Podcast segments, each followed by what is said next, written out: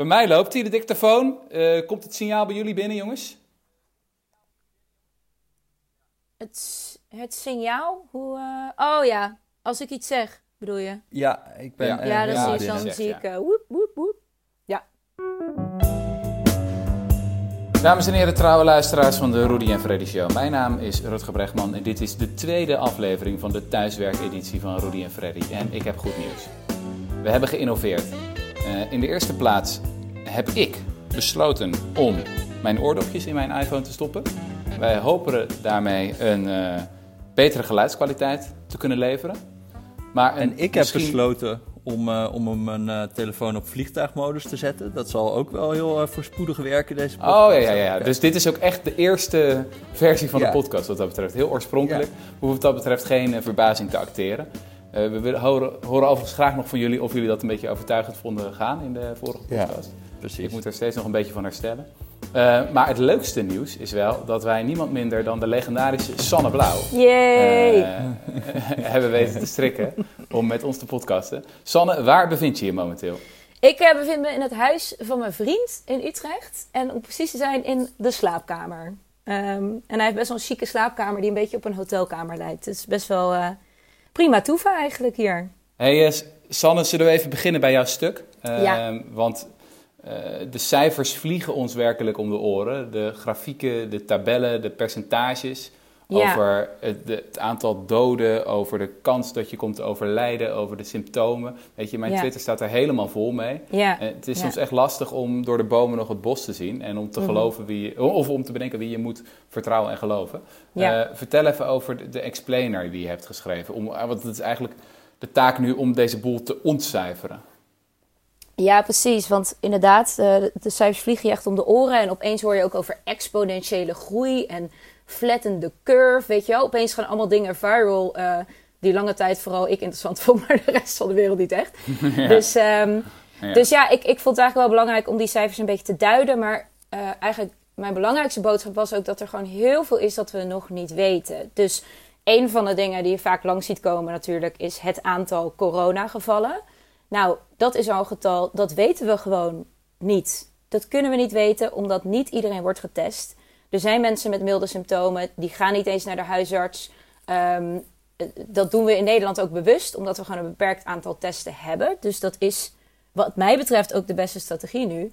Maar dat veroorzaakt wel eh, dat we eigenlijk het aantal eh, coronagevallen natuurlijk onderschatten, omdat een heleboel niet op onze radar komen überhaupt. Dus dat is zo'n dat is zo'n cijfer waar heel veel onzekerheid in zit. Ehm, en ik vond dat ook met deze explainer belangrijk om te communiceren. Van, nou ja, al die cijfers die er langs ziet komen, neem ze echt met een korrel zout. Maar die onzekerheid betekent tegelijkertijd niet dat we dan maar niks moeten gaan doen. Dus dat is volgens mij het hele lastige waar eh, het RIVM, maar ook waar Rutte en het hele kabinet nu voor staan. Is dat we beslissingen moeten nemen onder grote onzekerheid. En ehm, ik, ik heb ontzettend bewondering voor Hmm. hoe zij dat nu doen. Want dat is nogal, dat is nogal een klus. En, ehm, en daar is niet één juist antwoord op. Juist omdat er zoveel onzekerheid zit eh, in de data, in wat we weten over het virus. Ehm, dus ja, nou ja, maar als je dan naar de, naar de cijfers kijkt, dan moet je dat wel echt even in je achterhoofd houden, wat mij betreft. Ja. Ja. W- Wat weten we nog meer eigenlijk niet nu? Dus we weten niet precies het aantal gevallen. Ja, Wat zijn nog meer soort van fundamentele parameters waar we eigenlijk geen zekerheid over hebben? nou, er moet eh, veel meer duidelijk eh, worden over immuniteit eh, voor corona. Het bestaat natuurlijk nog niet zo lang, dus het onderzoek daarnaar is ook nog niet eenduidig. Er is bijvoorbeeld wel onderzoek gedaan bij aapjes, waaruit bleek dat als ze eenmaal geïnfecteerd waren, dat ze het virus niet opnieuw konden krijgen. Nou, dat kan een, Dat is recent gedaan, dat onderzoek. Ja, dat kan een aanwijzing zijn voor hey, dat betekent dus dat ze immuun zijn. Maar oké, hoe werkt het dan voor mensen? En ook, hoe lang ben je dan vervolgens immuun? Want dat is natuurlijk ook belangrijk. Eh, als je vervolgens jaren immuun bent, eh, dan heeft dat hele andere gevolgen voor hoe het zich gaat ontwikkelen. Dan als je een jaartje immuun bent en vervolgens de ziekte weer kan oplopen. Dus dat is ook zoiets. ehm, maar goed, daar wordt heel veel eh, onderzoek naar gedaan. Wetenschappers over de hele wereld zijn natuurlijk heel hard aan het werk om meer te snappen hiervan. Ehm, maar dat is wel iets om heel goed te onthouden. En daarom is het ook lastig dat nu in het publieke debat is er natuurlijk, er wordt heel veel over groepsimmuniteit gesproken. Um, daar heb ik ook vandaag nog een stuk over gepubliceerd. Uh, Rutte die zei in zijn speech had hij het over groepsimmuniteit.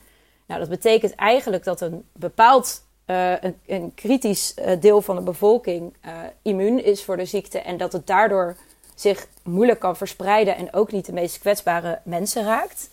Um, maar om te weten of dat kan en nou ja, wel, aan wat voor scenario moeten denken, moeten we dus echt meer snappen van die immuniteit. Um, en dat vind ik wel de grote verwarring nu. Is dat sommige mensen interpreteren het feit dat Rutte groepsimmuniteit noemde in zijn speech als: oh, we zetten alle deuren open, we gaan naar buiten en er wordt een soort nationaal experiment gedaan met onze gezondheid.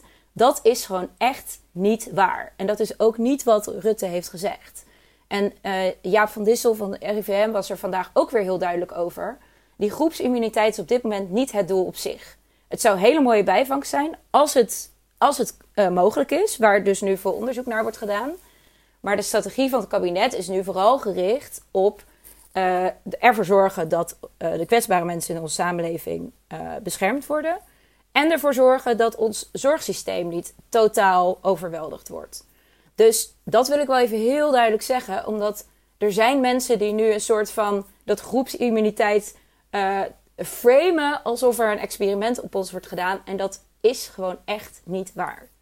En, en Sanne, kan je iets vertellen over hoe zeg maar. Um, je hebt al die epidemiologische modellen. Hè? Daar is mm. één getal, wordt altijd heel vaak genoemd. En dan staat er R0. Ja, klopt. En dat, dat is een heel belangrijk getal, blijkbaar. Wat, ja. wat drukt dat uit? Ja, eh, R0, uh, in het Engels wordt het ook weer R0 of uh, R0 genoemd. Uh, dat is het bazaal reproductiegetal. Dus dat betekent hoeveel mensen, als jij, de, als jij het virus hebt, hoeveel mensen ga jij gemiddeld besmetten? Dus als de R02 is, dan zie je als iemand het virus heeft, die besmet dan twee mensen gemiddeld. En dat is heel belangrijk om te begrijpen hoe snel zo'n ziekte zich kan verspreiden. Dus R0, dat is wel goed om te zeggen, is altijd het reproductiegetal als we aannemen dat er niks gebeurt en nog niemand is immuun. Um, en als we dan even dat R0 van 2 aanhouden, wat fictief is, want ook daar is nog een beetje onzekerheid over als het op corona aankomt. Maar stel dat het, uh, dat het 2 is, dan, nou ja, laten we zeggen, we hebben op dag 1 één patiënt. Op dag 2 hebben we er dan dus 2 bij. Dag 3 4. Dan wordt het 8, dan wordt het 16, dan wordt het 32. En dat is wat we noemen een exponentiële groei. Dus een groei die eigenlijk steeds sneller gaat. En dat exponentiële groei is wel echt een belangrijk mm om hier te begrijpen. Dat we denken vaak in lineaire processen van oh, elke dag komt er evenveel mensen bij. Maar de exponentiële groei zegt eigenlijk nee, elke dag groeit het met een bepaalde factor. Dus in dit geval keer 2. Ehm, uh, en ook wel goed om meteen te zeggen, die exponentiële groei kan natuurlijk niet eindeloos doorgaan. Uh, theoretisch gezien kan dat al niet. Want op een gegeven moment is gewoon iedereen ziek en is er niemand meer om te besmetten. Maar uh, er is natuurlijk ook een andere reden. Dat is namelijk dat je maatregelen neemt. Dus nou ja, in het geval van andere ziektes ga je inenten. Maar in ons geval, nu in het geval van corona, zeg je nou, we doen aan social distancing. Als ik, we, we, werken thuis, nou, dat, daar weten we alles van. allerlei maatregelen waardoor het de R, dus dat is eigenlijk het effectieve reproductiegetal. Dus wat is het eigenlijk daadwerkelijk? We hopen daardoor dat die R kleiner wordt. En wat je echt wil eigenlijk is dat die onder 1 komt, waardoor eigenlijk die epidemie weer langzaam weg zou sijpelen.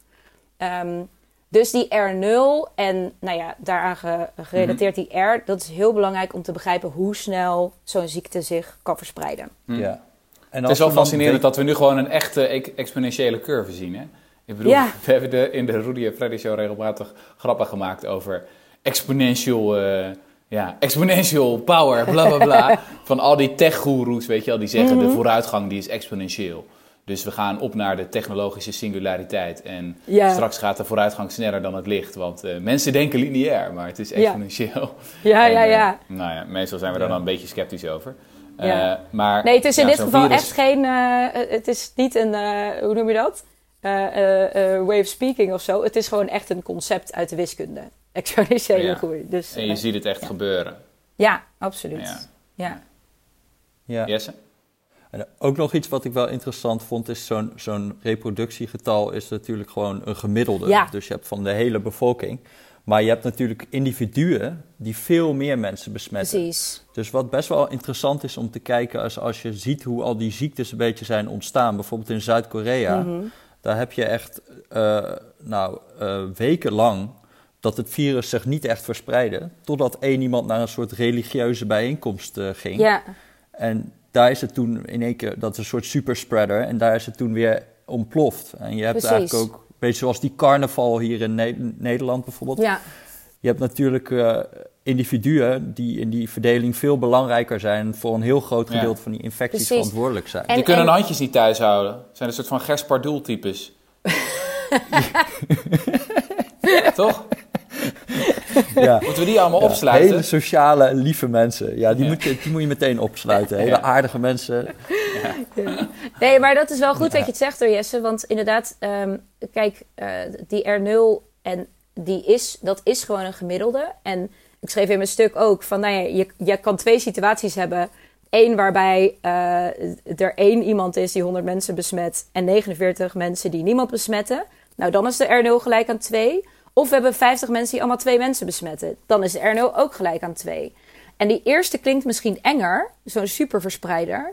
Maar je kan je wel voorstellen dat Ja. dat misschien een, een scenario is waar, als we begrijpen wie dat zijn, dat we het makkelijker kunnen containen, zeg maar, om er maar even een Engels woord in te gooien. Ja, voor, voor- gewoon grote evenementen, gewoon verbieden en zo. Ja. Dat, dat zou dan ook al in één keer heel snel die R omlaag kunnen brengen. Ja. Maar goed, Ja. dat, eh, Nou ja, het is allemaal gissen, maar ehm, eh, in ieder geval, kijk, eh, het is wel goed om te weten, er, er circuleren allemaal getallen en je ziet allemaal grafiekjes op Twitter en zo met allemaal vooral veel voorspellingen. Ik zou daar eh, echt eh, ook een beetje voorzichtig mee zijn, want dit soort modellen, ik, ik, hoe we er nu over praten is nog heel eenvoudig, maar echt epidemiologische modellen zijn natuurlijk heel ingewikkeld en daar zitten allerlei aannames in en dan moet je ook kennis hebben van de ziekte.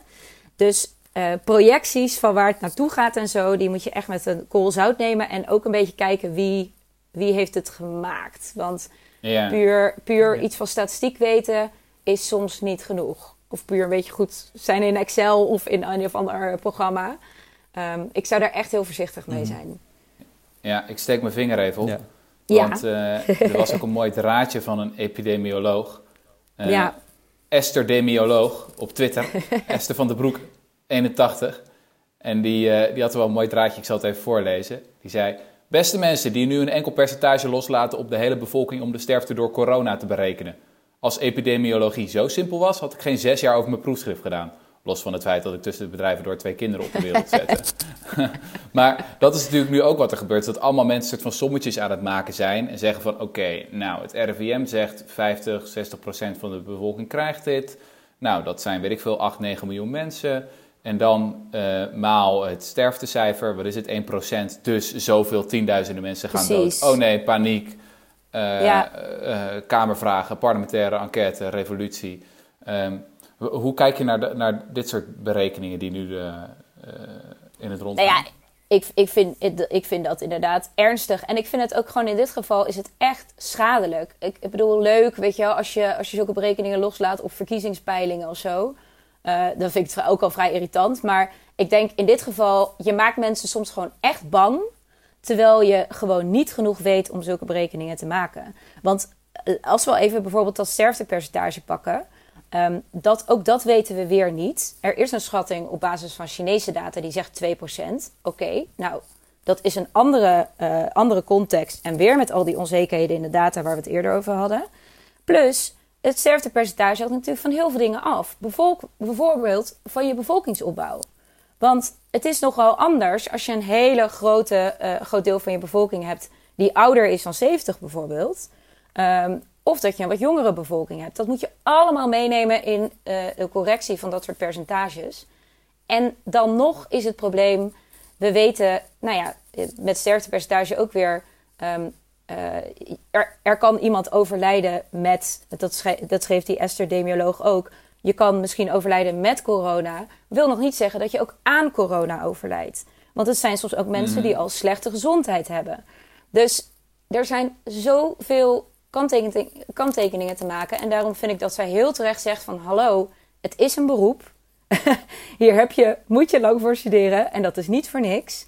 Dus laten we ook vooral op die mensen vertrouwen... die hier zich al jarenlang mee bezighouden. En niet sinds twee weken.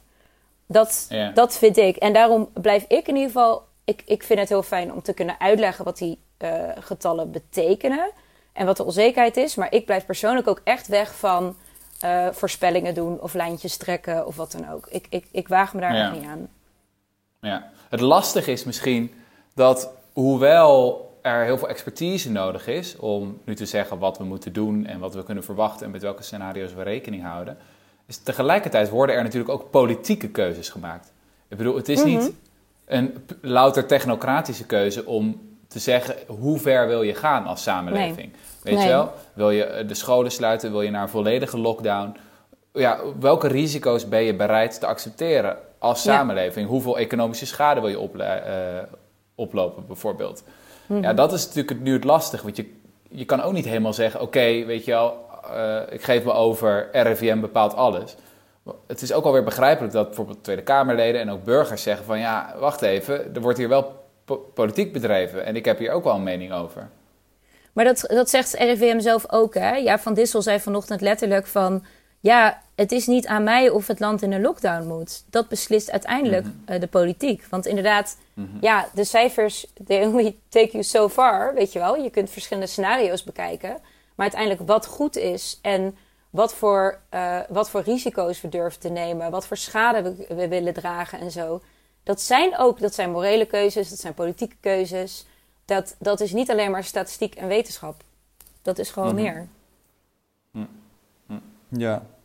Maar ik vind het toch ook wel een beetje moeilijk van, van dat je dan uiteindelijk gewoon helemaal zegt van eh, zij weten het allemaal perfect en wij moeten nu maar even stil zijn of zo. Dat heb ik toch ook, ja. Ik, ik lees ook wel dat er heel veel gewoon discussie is. Ja, het is voor mij niet allemaal makkelijk te beoordelen wie er dan gelijk heeft.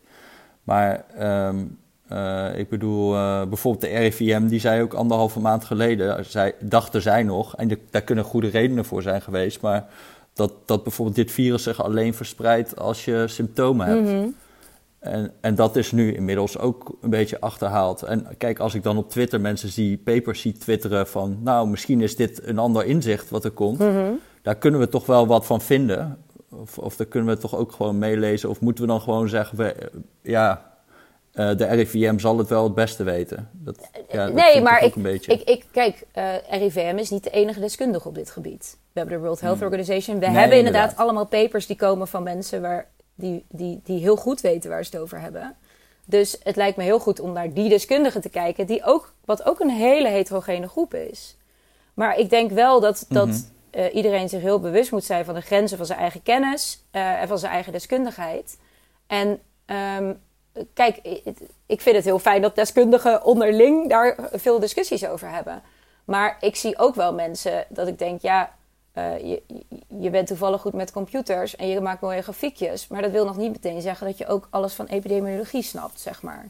Ja. Dus daar ben ik wel, ik ben Hmm. daar wel terughoudend in. Maar er is natuurlijk veel meer dan alleen het RIVM. Ja.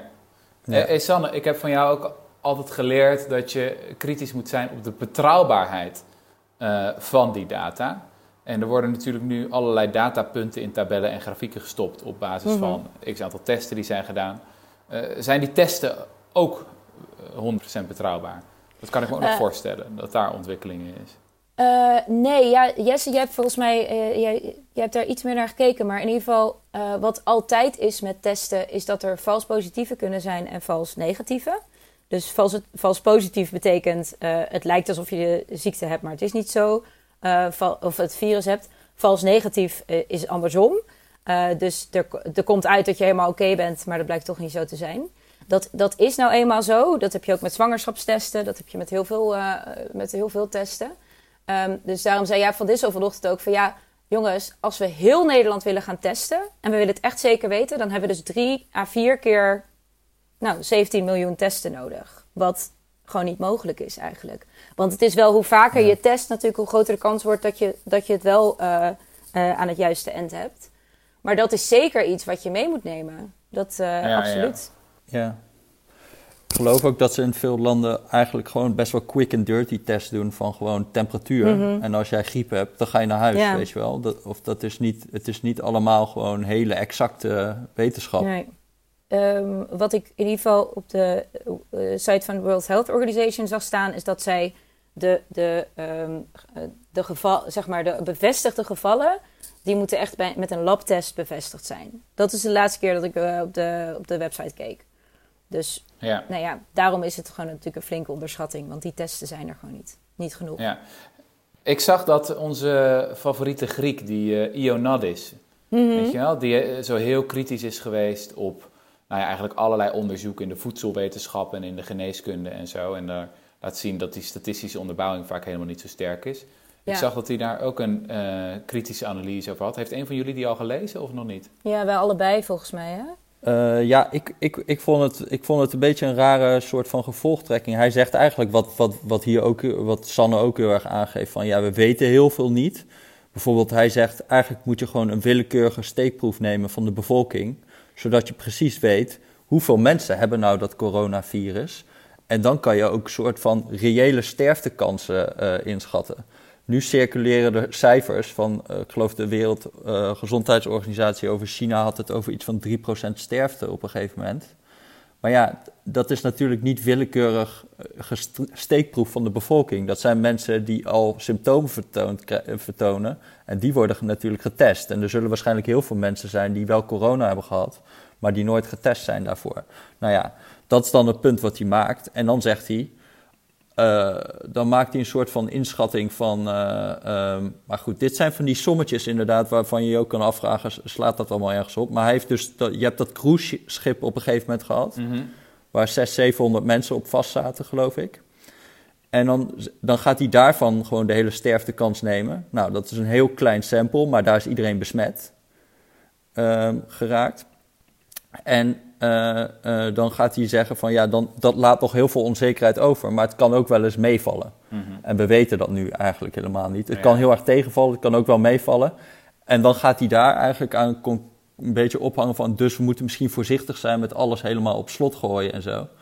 Maar dat, die gevolgtrekking, die snap ik eigenlijk helemaal niet. Eh, van, je kan niet zeggen van we weten te weinig, naar dus doe maar niks. Ja. Want niks doen, dat is eigenlijk ook een keuze. Ja. En dat is, eh, eh, eh, dat is in dit geval, moet je juist ja, gewoon liever fouten maken, zeg maar, dat je, dat, dat je te overreageert dan dat je onderreageert. Ja. Want, want je speelt echt met heel veel mensenlevens. En dat erkent hij ook zelfs aan de bovenkant van wat hij denkt dat de sterftekans is, is het nog steeds dramatisch. Ja, ja, ja. ja. Hey, en het is nu ook een beetje aan het indalen dat dit wel eens lang zou kunnen gaan duren. Ik las één analyse in de New York Times van een aantal epidemiologen die zeiden... eh, het zou wel eens ja, een soort van golfpatroon kunnen worden. Dat er nu een piek aan zit te komen, dat die in de zomer eh, het virus weer weggaat, dat die dan weer terugkomt. En dat zou zich wel drie tot vier keer kunnen herhalen, eh, schreven deze wetenschappers. En dat je eigenlijk elke keer moet proberen om die piek nou ja, onder de capaciteit van het zorgsysteem te houden. Eh, wat zijn jullie ideeën daarover? Want dat vind ik namelijk zo bizar om soort van tot je door te laten dringen. Dat we, weet je wel, in, in minder dan een week of anderhalve week tijd zijn we geconfronteerd met het scenario dat we hier weer eens tot in 2021 mee kunnen zitten. Ik bedoel, het is gewoon echt moeilijk om echt tot je door te laten dringen. Hoe bizar dat is. Volgens mij zijn twee dingen heel belangrijk hier. Ehm, eh, A, eh, nou, hoe zit het nou met de immuniteit, waar we het er straks ook over hadden? Ehm, want daar hangt het ook heel erg vanaf. Hè? Want als, als mensen inderdaad na een jaar niet meer immuun zijn, dan zou die, dat golfpatroon wel eens veel langer kunnen gaan duren. Denk ik. Eh, eh, maar B, wanneer komt er een vaccin? En dat, Ja. dat, gaat, dat wordt alles bepalend. Dat, en dat wordt nu al de dikke Nobelprijs natuurlijk. Want wie dat gaat vinden, is dat, ja, daar zitten we nu. Nou, dan wordt een vriend op van de podcast of een vriendin van de podcast. Dat kan ik, van de podcast. dat kan ik Ja, nu alvast. Op beloven. zijn minst. Dat Ja. is ongebruikelijk Ja. dat wij dat nu al zeggen, maar dat, is, dat kan ik nu toch al wel zeggen. Ja. Ja, nee, Maar, absoluut. en, en er is eigenlijk nog iets waar ik heel erg benieuwd naar ben. Je ziet nu wel dat eh, je hebt een paar landen die eigenlijk al, ja, die zitten hier al veel langer mee, met, zoals China en Zuid-Korea. Die lopen eigenlijk, nou ja, weken op ons voor van, van dat, die corona-ontwikkeling. En daar zie je dat het aantal nieuwe gevallen eigenlijk heel hard afvlakt. Ja, ja, Dus, die heel, die, dus die zitten gewoon eigenlijk, is het bijna, lijkt het daar vrijwel onder controle. De vraag is nu natuurlijk, kunnen zij hun, ja, wat, wat moet je doen om ervoor te zorgen dat eigenlijk je land wordt afgesloten en dat, dat, dat er niks meer binnenkomt met corona? Mhm. En kan je, kan je dat dan in het vervolg, elke keer als er een nieuw coronageval eh, komt, dat heel snel weer onder controle krijgen? Uh, dat, daar ben ik ook heel erg benieuwd naar. Want dan, dat suggereert wel iets over ja, die strategie die zij hebben gevolgd. Gewoon keihard alles op slot zetten lokaal. Ja. Uh, en, en daarna gewoon, als, als je dat vol kan blijven houden, uh, ja, dat zou, dat zou ook positief zijn natuurlijk. Ja, ja. En volgens mij zit er ook nog wel verschil tussen. Maar, de, ja. maar het is natuurlijk ook, uh, ja, ik, ik vraag me af hoe moeilijk dat is in, zo, in een wereld die ja, toch wel vrij open grenzen had. Van, daar zullen toch ook heel veel dingen moeten worden gedaan met uh, uh, nou ja, mensen die je land binnenkomen en zo. Wil je dit volhouden? Mm -hmm. Dus dat gaat ook enorm ingrijpend zijn op een andere manier. Mm -hmm. Ja, we gaan het zien. Ik denk vooral um, plekken als China en nou ja, Singapore en zo zijn denk ik ook gewoon heel al directer interessant. Omdat we gaan zien wat er gebeurt als de maatregelen worden versoepeld. Weet je wel? Daar zijn wij natuurlijk in Nederland ook allemaal benieuwd naar. We gaan nu een periode tegemoet met strenge maatregelen. En wat gebeurt er dan als dat weer een beetje wordt afgebouwd? Ik vind, ik vind mm -hmm. daarom uh, die plekken ook wel erg interessant. En er zit dan volgens mij ook nog best wel verschil tussen bijvoorbeeld Taiwan, wat nog een stuk democratischer is, uh, en Wuhan bijvoorbeeld, waar het echt gewoon total lockdown was. Um, maar goed, ja, we gaan het zien. Ik vind het ook, ja. ik vind het ook wel heftig dat jij dan zegt, Jesse, uh, een wereld die open grenzen had. Dat je denkt, oh ja, je bent nu al uh, soort van aan het wennen aan een scenario waar dat dus niet meer zo ja. is of zo. Ja. Um, maar goed, dat een soort Ja. gedachte schiet natuurlijk iedereen door het hoofd. Van hoe, ja, hoe ziet de wereld eruit over een jaar? En we hebben echt geen idee. ja. Ja. Wat zijn de belangrijkste Nou, cijfers, eh, Sanne, waar jij op gaat letten in de komende tijd? Is dat bijvoorbeeld de druk op de IC's? Is, is dat soort van de simpelste maatstaf waar, kan- dat je, waar je naar kan kijken? Van hoe, hoe zwaar wordt het daar, hoe druk wordt het daar? Of op de, de testen, waar ga je op letten? Ja, er is zoveel. Ja, eh, sowieso natuurlijk druk op IC's. Want daar, eh, daar hangt volgens mij de strategie voor een heel groot deel van af. Ehm, als het daar te druk wordt, eh, dan moeten we echt nog verder, eh, nog strengere maatregelen hebben. Want het zorgsysteem moet het gewoon nog aankunnen. Eh en dan, nou ja, als dat, als dat niet meer zo blijkt, dan moeten we echt nog veel strengere maatregelen nemen. Wat ook lastig is, hè, want er lopen nu al mensen rond die het hebben, die pas over een paar dagen symptomen gaan krijgen. Dus Ja. er zit altijd een vertraging in het systeem. Dus het is ook risicovol om te zeggen: Oh, het gaat nu, nu redden het niet meer. Nu komen er maatregelen. Dan ben je eigenlijk eh, een beetje, eh, ja, eigenlijk altijd een beetje te laat.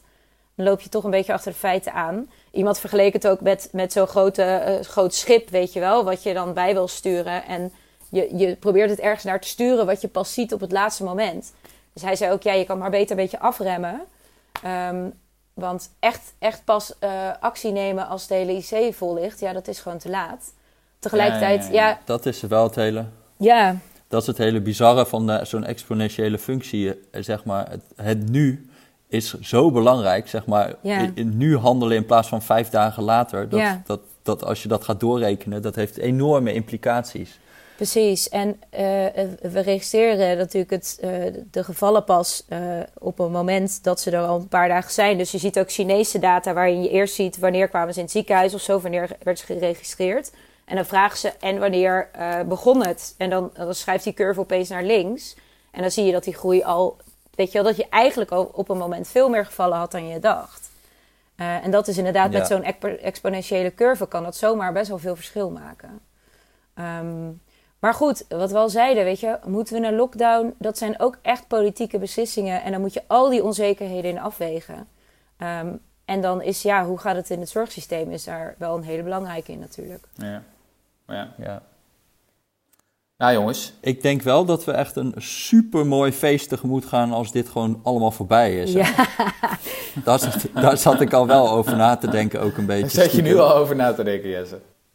Ja, het is een beetje voorbarig, dat weet ik. Ja. Maar ik geloof dat we gewoon allemaal wel heel gelukzalig zullen zijn als, eh, als dit dan voorbij Ja, is. Ik denk dat dat helemaal uit de hand gaat vallen. Eh, uit de hand Ja. gaat lopen. Er zouden wel eens meer slachtoffers kunnen vallen. Tja. Hoe bevalt het thuiswerken jullie? Zanne, jij?